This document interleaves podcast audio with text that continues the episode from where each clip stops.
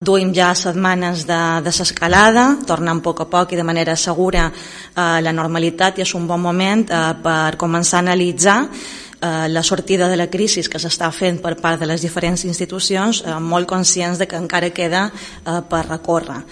Eh, però si una cosa mm, veiem des del minut 1 és que eh, s'està apostant per una sortida de la crisi radicalment eh, diferent a les que se va fer eh, per part del Partit Popular en el 2011 al, al 2015. Eh, mentre que uns varen apostar per eh, retalls, desmantellament de l'estat del benestar i per imposició ideològica, des dels grups socialistes estem apostant i ho seguirem fent per una resposta social, de justícia social, de solidaritat, on ninguna persona quedi enrere. Durant aquestes setmanes, la nostra prioritat ha estat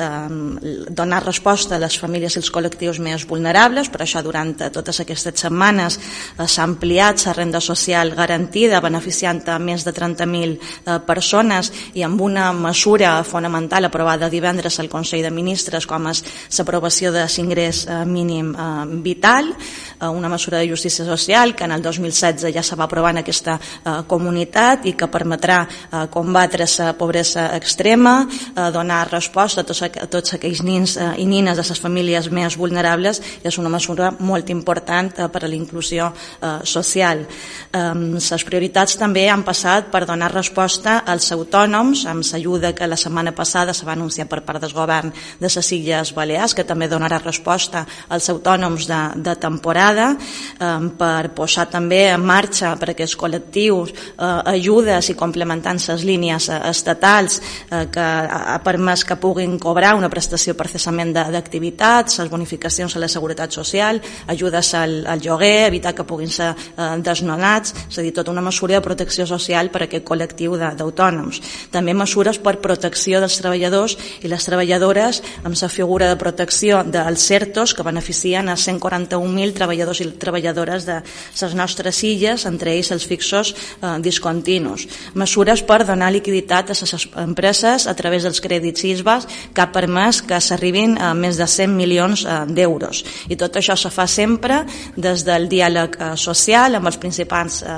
principals agents econòmics, socials, els grups polítics i les diferents institucions de les nostres illes. Ara bé, no ens conformam amb totes aquestes mesures que són necessàries, però hem d'anar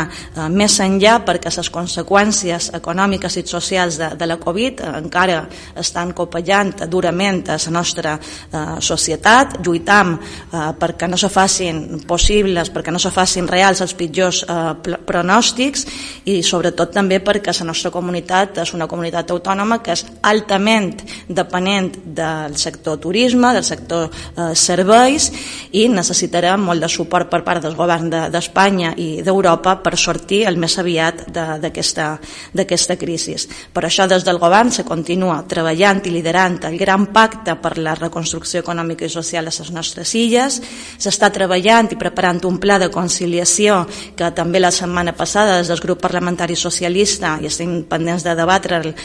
se, se detalla en mesures concretes per facilitar la conciliació de vida laboral i familiar i per això donarem eh, suport i votarem demà a favor del decret llei de mesures urgents per la reactivació econòmica a les nostres illes i que ara passarà a valorar eh, la diputada, eh, la meva companya Mercedes Garrido.